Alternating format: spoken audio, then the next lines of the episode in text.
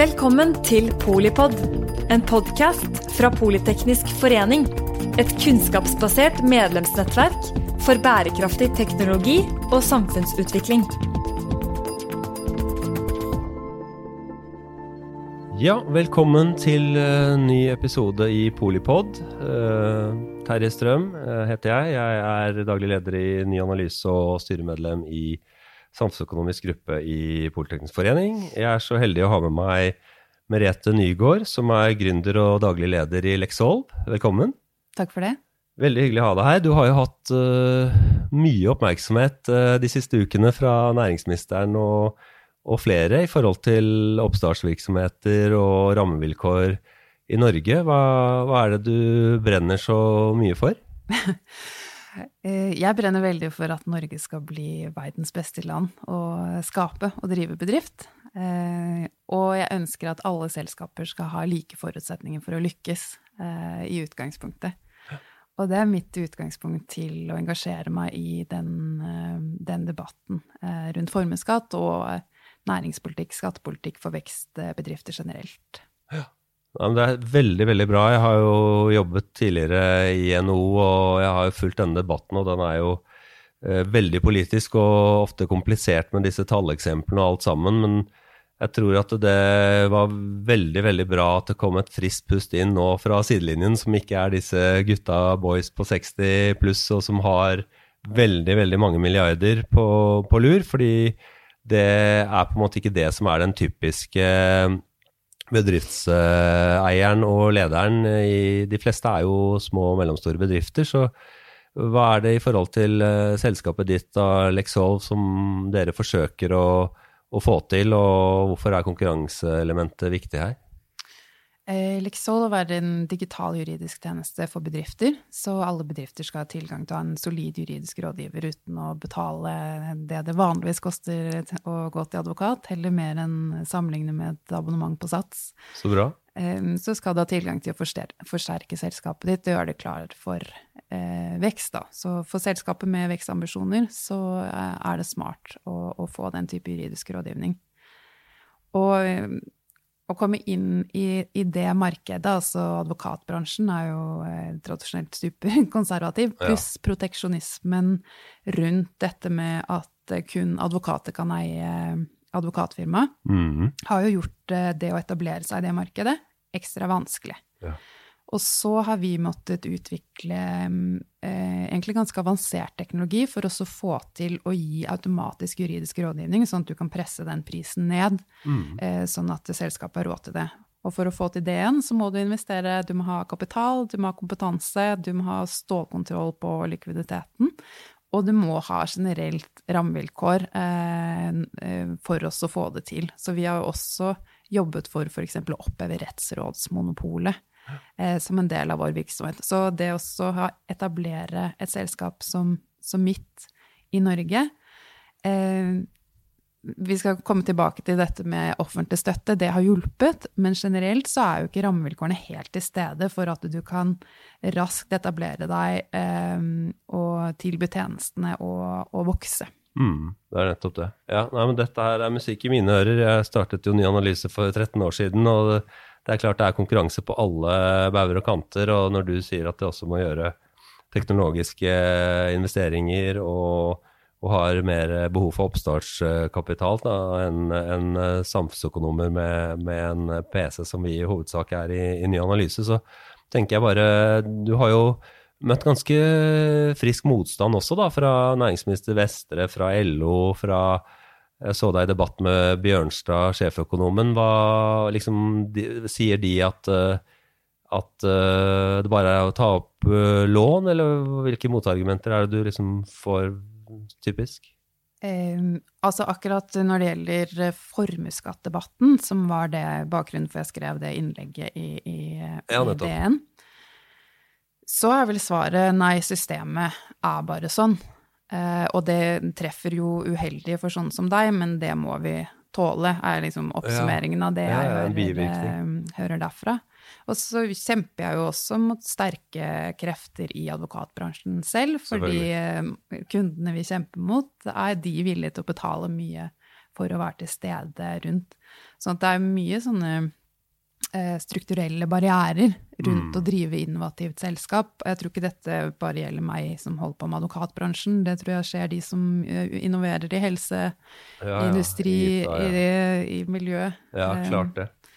Klart det. Så Nei, men eh, altså den I forhold til den formuesskatten, så da er det en regning som kommer på, på den eh, kapitalen på deg, som da på en måte, før du har realisert noen på en måte egentlig eh, overskudd og gevinster, da Ja, så formuesskatten beregnes jo basert på en vurdering av formuesverdiene. Og i aksjeselskap så regnes det som en formuesverdi.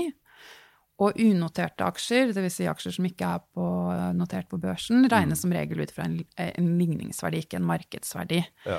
Men fordi du tar utgangspunkt i penger du tilfeldigvis har på konto 31.12., pluss at om du aktiverer eh, utviklingskostnader til immateriale verdier, fordi du må ha et høyere du må ha det på balansen for å ikke dette blir veldig teknisk, for å ikke komme i økonomiske vanskeligheter for å få sånn, eh, SkatteFUNN-midler. Så gjorde at eh, min balanse, eller selskapets balanse, var høyere enn egentlig verdien, sånn den reelle papir, eller verdien på selskapet. Eh, selskapet går ikke i pluss ennå, for vi har investert masse i teknologi. Vi skal gå i, i pluss etter hvert. Ja. Og aksjen er ikke bare å realisere, og heller ikke ønskelig å realisere aksjer for min del nå, nå som jeg er i en oppbyggefase og ønsker å ha mest mulig kontroll Mm. på både hvor neste kapital kommer fra. Ja. Sånne ting er ganske viktig. Og det som skjedde, var at eh, de da basert, eh, basert på den, eh, hva som sto egentlig på konto 31.12., eh, skattla meg personlig med et formuesskattkrav basert på hva det selskapet var verdt. Ja. Og de midlene som var hentet inn, var for oss å finansiere teknologiutvikling. Og Ja. på ingen måte noe jeg selv kunne ta ut. Selskapet går i pluss, ikke i pluss, kan Mm. ikke ta ut utbytte. Og jeg kan ikke bare gå til styret og si hei, kan vi ta ut litt ekstra? Ja, ja, ja. Nei, betale mitt og så får du skatt på det òg.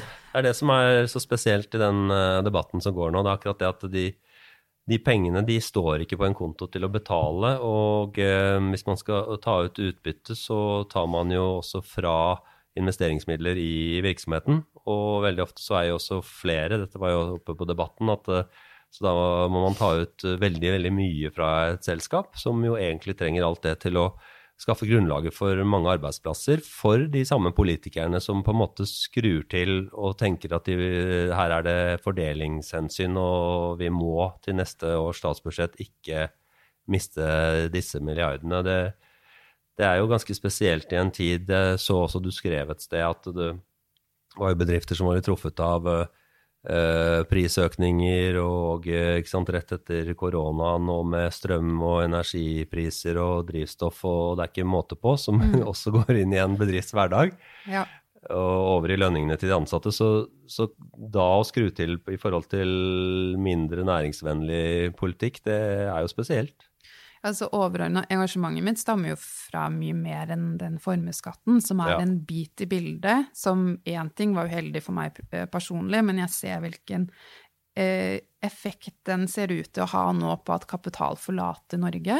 Og hvis du ser på eh, skatte- og næringspolitikken generelt for Hvis vi ønsker at flere selskaper skal overleve i Norge, altså i dag så overlever kun én av fire bedrifter sitt femte driftsår, og én av ti lykkes. Hvis Ja. du skal ha flere til å overleve, så må vi ha mer tilgang på kapital, mer tilgang på kompetanse, vi sørge for at selskapene hele tiden har likviditet. Så når vi hadde den giftige næring, altså retorikken rundt ta de rike, det kan ryke og reise, Ja, ja. og generelt så øh, de som er øh, mye eldre enn meg, sier at det aldri har vært så næringsfiendtlig retorikk på 50 år. Veldig spesielt. Og bedriftseiere som meg selv, da, som er i oppstartsfasen og som er gründere, sier at de føler at øh, de skal skamme seg for å være i næringslivet og, og, og være gründere. Da er vi liksom Ja. på en veldig feil vei. Veldig, veldig feil vei. Og det tror jeg er fordi altså politikerne i Norge er jo veldig bortskjemt på den måten at vi har hatt de olje- og gassinntektene. Og så har du hatt en del gründere og oppstartsvirksomheter innenfor ingeniører, selvfølgelig, der. Men uh, der eh, Jeg husker også når jeg startet som samfunnsøkonom som uh, gründer da, for over ti år siden, så, og du som jurist altså det, ikke sant, det, det, de, Du får veldig ofte den reaksjonen at eh, Men burde ikke du bare få en jobb i direktoratet eller departementet? Eh, hvorfor skal du stresse så fælt med å lage noe nytt, ikke sant? Og det er, eh, men konkurransen trenger det jo, på en måte. Du kan jo ikke la noen sitte med monopoler på det, og du kan vel heller ikke overlate på en måte stat og departementer til å skulle tenke nye løsninger alene? Nei, absolutt ikke. Da tror jeg vi er et autoritært samfunn, på en måte. Mm. Men vi har noen veldig store samfunnsutfordringer som vi må løse fremover. Hele klimakrisen, åpenbart enormt store beløp må investeres for at vi skal finne løsningen på den fremtiden. Ja. Vi kommer til å få mange flere eldre i Norge som kommer til å bli pleietrengende fremover, og som per i dag ikke engang har plass på, på aldershjem. Det er jo kjempevanskelig allerede nå. Vi må få alle som kan det, ut i arbeid.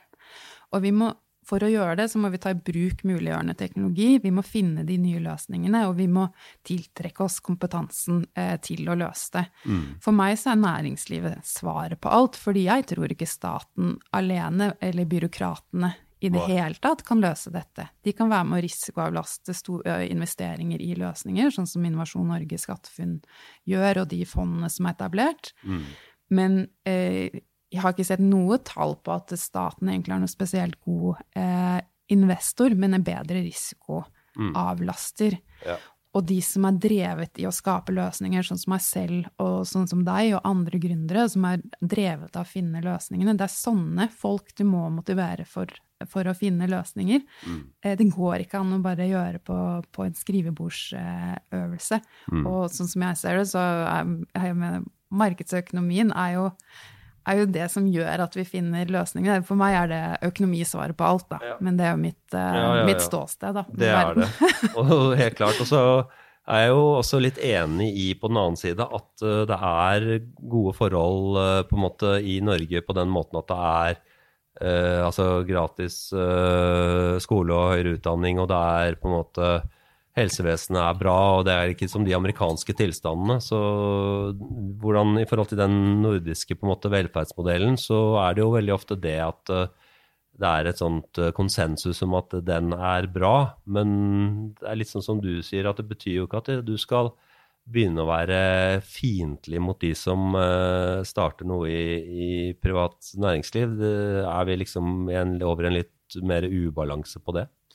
Ja, altså, Det var jo først når staten skjønte at den slutta å ta alt overskuddet til bedriften, at uh, innovasjon begynte å skje.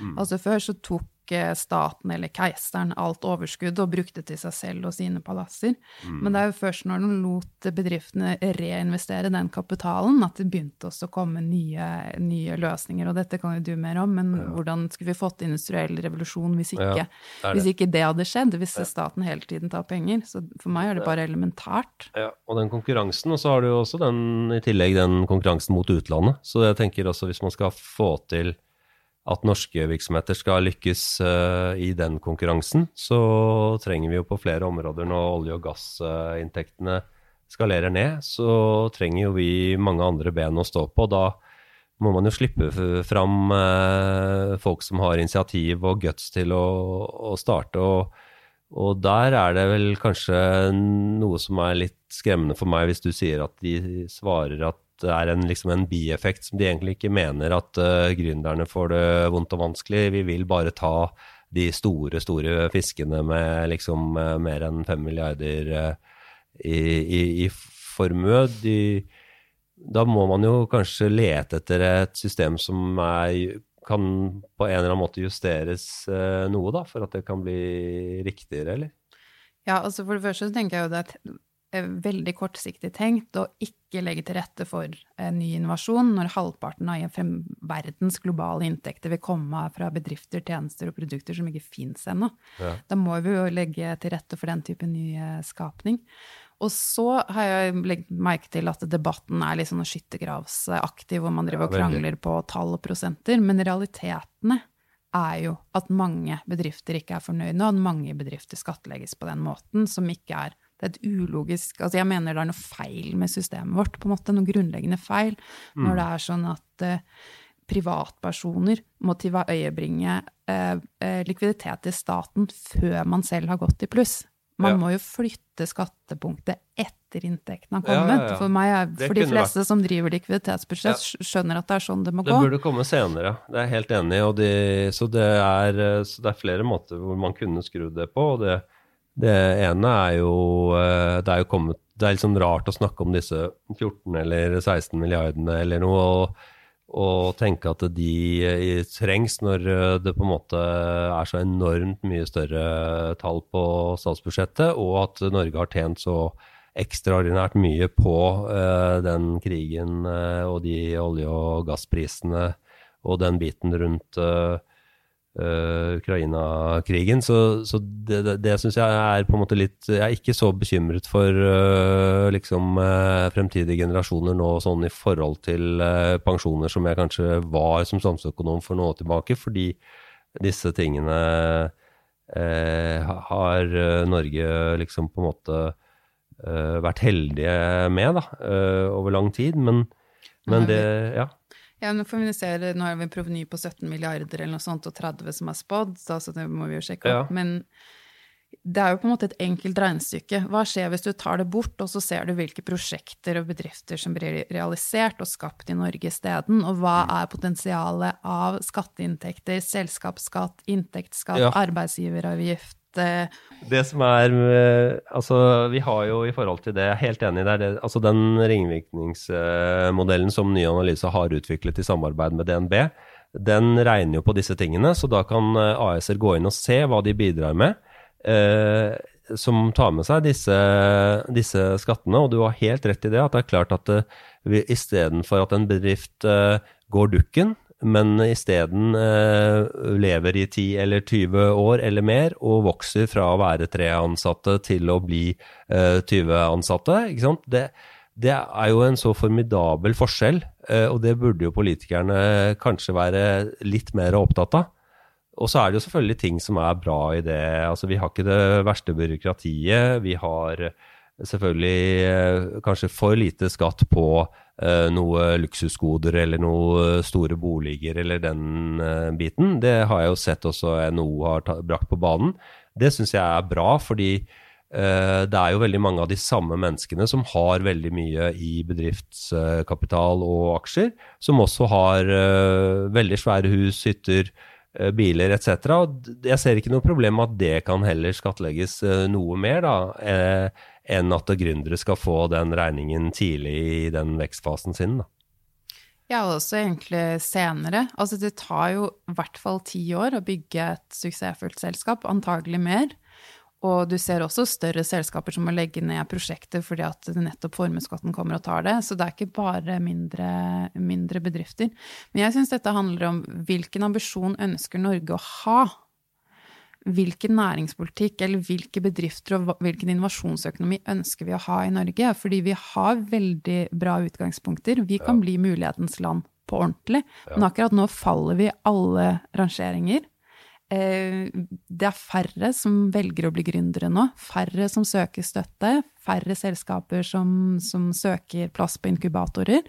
Og færre selskaper år for år som overlever de fem årene.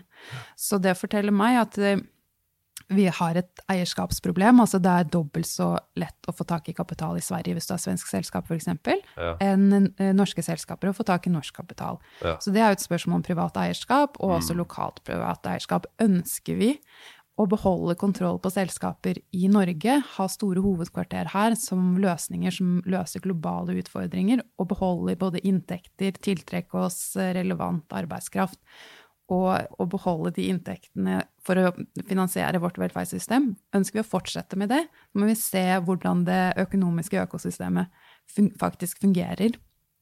Eh, og da må vi slutte å snakke om den omfordelingen før selskapene har skapt den inntekten. Gjerne fordel etterpå, men ikke mm. fordel ting som Eh, ikke fordel mine, mine sparepenger, som, som, jeg allerede har skattet uh, av Nettopp, før. det er det. Så nei, men det, det er veldig viktig poeng. Så da, etter denne gode samtalen, uh, Merete, så håper jeg virkelig at uh, næringsminister Vestre da gjør det han har sagt at han skal gjøre, og invitere deg til en god samtale om disse tingene. Fordi jeg ser jo at de febrilsk prøver å gjøre seg mer næringsvennlig nå i eh, retorikken i media, i hvert fall.